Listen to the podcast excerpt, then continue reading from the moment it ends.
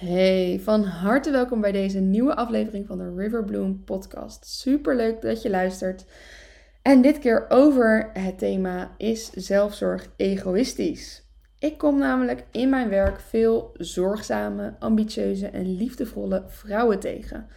En heel veel van hen zijn moe, uitgeput soms, zoekende in wie ze zijn, hoe God in hun leven spreekt en verlangend naar rust. En ik mag dan een tijdje met hun optrekken. Soms een dag, soms een weekend, soms langer in mijn langere trajecten. En ik kom heel vaak dezelfde vragen tegen. Namelijk, durf ik mezelf rust te gunnen? Mag ik ruimte innemen in mijn emoties, in mijn tijd, in mijn behoeften? Mag ik voor mezelf laten zorgen? Mag ik een keertje niet zorgen? Het genieten van als we een dag weg zijn en niet voor anderen hoeven zorgen. En het raakt me omdat ik zie dat we onszelf en daarmee ook de mensen die we dienen, waar we voor willen zorgen, tekort doen. Tekort doen door dus veel bezig te zijn met zorgen, zorgen, zorgen en te weinig zorgen voor onszelf. En dat we dus heel snel denken dat het egoïstisch zijn is als we voor onszelf zorgen, als we af en toe voor onszelf kiezen. En daarom wil ik graag deze podcast daar ook aan wijden, omdat ik die overtuiging dat zelfzorg, jezelf op de eerste plaats zetten, dat dat egoïstisch is, dat dat zo diep geworteld zit in ons, in ons als vrouwen, in ons als maatschappij. Ehm, maar ik denk wel specifiek in vrouwen. Maar ik ben benieuwd als er mannen luisteren ehm, of die het ook herkennen. Maar ik zie het wel veel bij vrouwen. Ook wel omdat uh, vrouwen natuurlijk altijd de of heel lang de primaire zorgtaak hebben gehad. En dat dat steeds meer aan het verschuiven is. En dat het steeds meer gelijk getrokken wordt. Allebei werken part-time. De vrouw werkt allemaal wat minder. Maar de vrouw blijft uiteindelijk ook heel veel thuis doen. En ehm, nou, die balans daarin vinden is uh, voor veel mensen denk ik best wel lastig en moeilijk en ingewikkeld.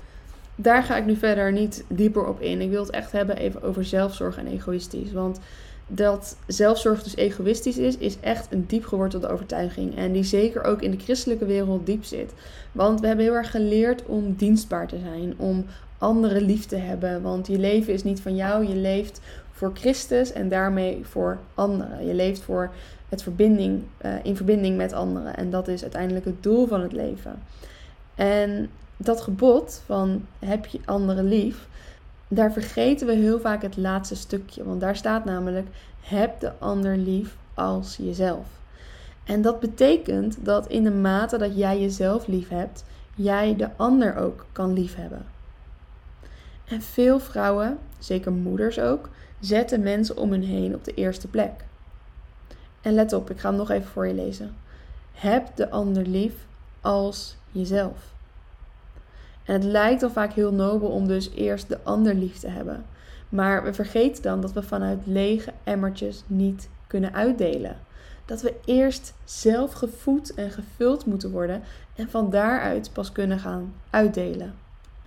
Als jouw tankje continu half leeg is, of misschien een derde vol is, dan heb je niks om van uit te delen. Dan loop je continu op een half lege batterij. Dat voel je aan alles. Je bent gestrester. Je zit niet lekker. Je bent misschien een beetje aan het snauwen. Je, het loopt gewoon niet lekker. En dat is gewoon zonde. Zonde voor jezelf, maar ook voor degene voor wie je aan het zorgen bent. Het is gewoon veel fijner om te zorgen vanuit overvloed.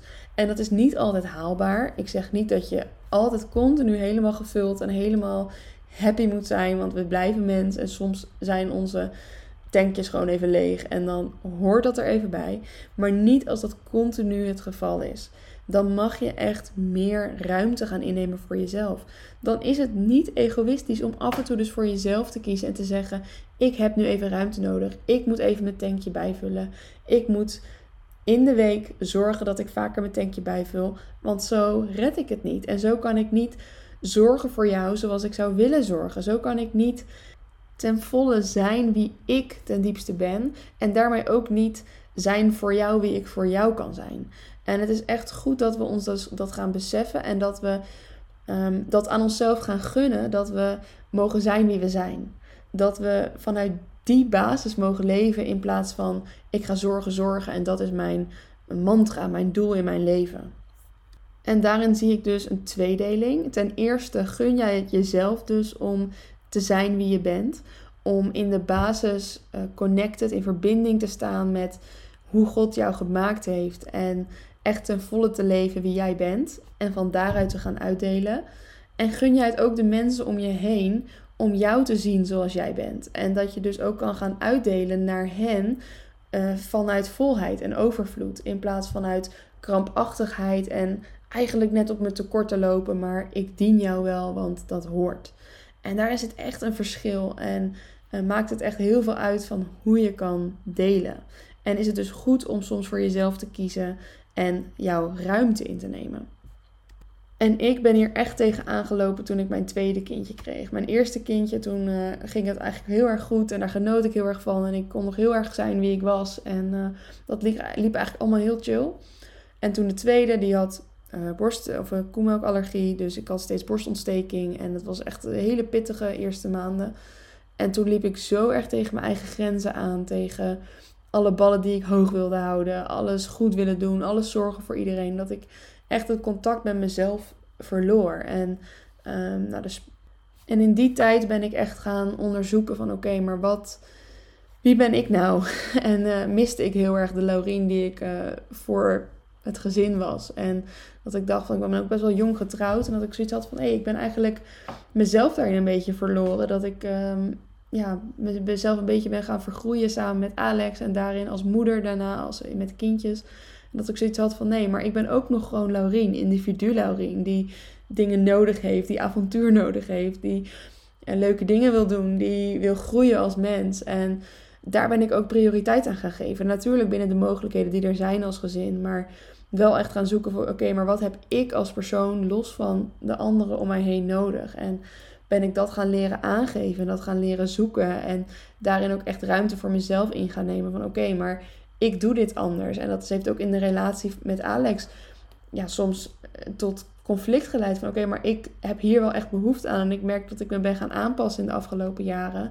Maar dat ik eigenlijk hier behoefte aan heb en dat dat er ook mag zijn. Want dan kan ik echt Laurien zijn wie ik helemaal ben en kom ik veel meer tot bloei. Waardoor jullie in mijn gezin ook veel meer aan mij gaan hebben. En dat vraagt eh, veel zelfreflectie. Dat vraagt moed om dat aan te durven kijken. Dat vraagt moed om dat ook te delen met de mensen om je heen. Zeker als je in bepaalde patronen of dynamieken zit waarin dat best wel lastig is om te doorbreken. En het heeft mij heel veel opgeleverd. Het heeft mij echt veel connectie met mezelf opgeleverd. Waardoor ik weer veel meer in contact sta met wie ik ben als persoon, als Laurien. En daardoor ook kan ik veel beter voelen hoe ik ook in verbinding kan staan met anderen. En kan ik veel beter mijn grenzen aangeven. Kan ik veel beter voelen, oh ja, maar dit vind ik prettig en dit niet. En merkte ik ook dat zorgen dan best wel een overlevingsmechanisme was geworden. En ik denk dat dat voor veel vrouwen zo is. En misschien is dat ook mooi om je dat na, naar aanleiding van deze podcast af te vragen van hé, hey, wat betekent zorgen eigenlijk voor mij? Is het een soort van veiligheid? Is het een overlevingsmechanisme? Uh, misschien al van jongs af aan dat je ook vaak moest zorgen voor mensen om je heen. Is het een veilige plek? Je weet nou eenmaal dat je daar goed in bent. Het is iets wat mensen waarderen. Je krijgt er waardering voor, want je zorgt en mensen danken jou daarvoor. Het geeft voldoening ook ergens en erkenning. En misschien is het wel een stukje erkenning wat je ergens anders gemist hebt, of voldoening waar je dat anders ergens anders niet uit kan halen. Dat je denkt van, oh, dan haal ik het uit mijn zorgen. En in die zin is dat helemaal niet iets fouts. Het kan een hele goede keuze zijn om gewoon lekker te zorgen. En is het ook helemaal oké als dat bij je past. Maar als je ergens voelt van hé, hey, ik, ik verlang naar op een andere manier voldoening krijgen. Ik verlang naar op een andere manier weer mezelf leren kennen en groeien in mezelf. Dan mag dat er ook zijn. En dat betekent niet dat het zorgen wegvalt. Maar dan betekent dat wel dat dat een andere invulling misschien mag krijgen. En mag je dus ook aandacht geven aan die andere verlangens en ambities. Die misschien door het zorgen wel een beetje zijn ondergesneeuwd. Waar je ja, misschien al een tijdje geen aandacht aan heb gegeven. En die plek van verlangens en ambities kan misschien best wel ongemakkelijk voelen. Oncomfortabel en spannend en nieuw. En die tegenstelling kan ook heel erg maken dat je dus blijft kiezen voor zorgen. Want dat is wat je kent, dat is wat je veilig houdt. En zeker als je al moe bent, als je tankje al wat leger is, dan denk je van ja, nou ja, dan zorg ik maar lekker. Want dat is veilig. Het is wat je kent. Je kan het goed.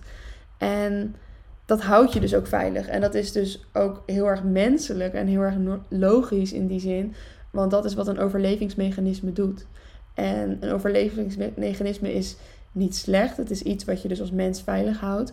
En tegelijkertijd mag je onderzoeken van oké, ben ik er klaar voor om dat misschien stapje voor stapje te gaan doorbreken. Om te gaan kijken buiten die veilige zone van zorgen.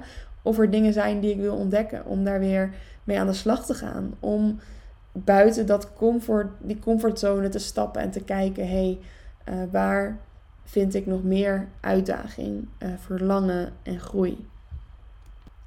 Wat is zorgen dus voor jou? Durf je dat te onderzoeken? Wil je dat onderzoeken? En nogmaals, zorgen is niet iets verkeerds. Dat probeer ik hier absoluut niet mee te zeggen. En het is ook helemaal deel misschien wel van het vrouw zijn. Van jou als vrouw. En ik hou ook van zorgen. Ik hou van lekker koken. Ik hou van het huis gezellig maken. Van mooie kleding kopen voor mijn meisjes. Alleen het is niet mijn volledige identiteit als vrouw. Dat hoeft het niet te zijn. En ik ben veel meer dan alleen maar het zorgen voor en het dienende. En ook dat stukje van Laurien wil ik erkennen en wil ik ruimte geven en wil ik ruimte voor maken. En als jij voelt, ja, er is meer in mij dan dat zorgen. En ik heb het nodig om weer meer ruimte voor mezelf te maken. Dan wil ik je op het hart drukken. Ga dat eens onderzoeken. Stapje voor stapje op jouw tempo en op jouw manier. En zeker als je je herkent in wat ik in het begin noemde. Dat je moe bent, dat je leeg bent. Dat je eigenlijk bent gaan zorgen vanuit het hoort. En ik ga maar gewoon door. En eigenlijk ben ik moe en uitgeblust. Maar we gaan door. Durf je dat voor jezelf te doorbreken? Durf je te kijken naar wat er misschien onder zit en naar waar je eigenlijk naar verlangt? En als je nou denkt, yes, ik wil hier helemaal mee aan de slag, lijkt me super tof, dan ben je van harte welkom bij Embrace. Embrace is mijn online programma waarin ik je bemoedig om jezelf te omarmen vanuit de omarming van God. Omdat Hij zo oneindig veel van je houdt. Omdat hij, jij zijn geliefde kind bent. En omdat je vanuit daar mag rusten. Ik help je echt door beweging, meditatie en bemoedigende video's om te rusten. Om die tijd voor jezelf te pakken. Om die connectie met God weer te maken. En te voelen van hé, hey, wie ben ik? En hoe mag ik aan die ik nog meer ruimte geven? Voor jezelf en voor de mensen om je heen. Want het heeft meteen uitwerking op de mensen om je heen als jij aan jezelf gaat werken. Ik zie dat bij mezelf, ik zie dat bij vrouwen om me heen. Als jij aan jezelf gaat werken, dan heeft dat invloed op de mensen om je heen meteen. En niet altijd makkelijk. Groeien is niet altijd makkelijk. Soms is het even door het oncomfortabele heen. Maar uiteindelijk levert het je ontzettend veel moois op. Dus als je dat wilt doen in een veilige setting, uh, lekker online, allemaal vanuit je eigen huis en je, uh, op je eigen tempo, een jaar lang rusten in Gods armen, dan ben je daar van harte welkom. Op uh, www.riverbloom.nl/slash embrace vind je meer informatie en je mag me ook altijd een berichtje sturen als je nieuwsgierig bent. Hey, super tof dat je geluisterd hebt naar deze podcast en tot de volgende. Doeg doeg!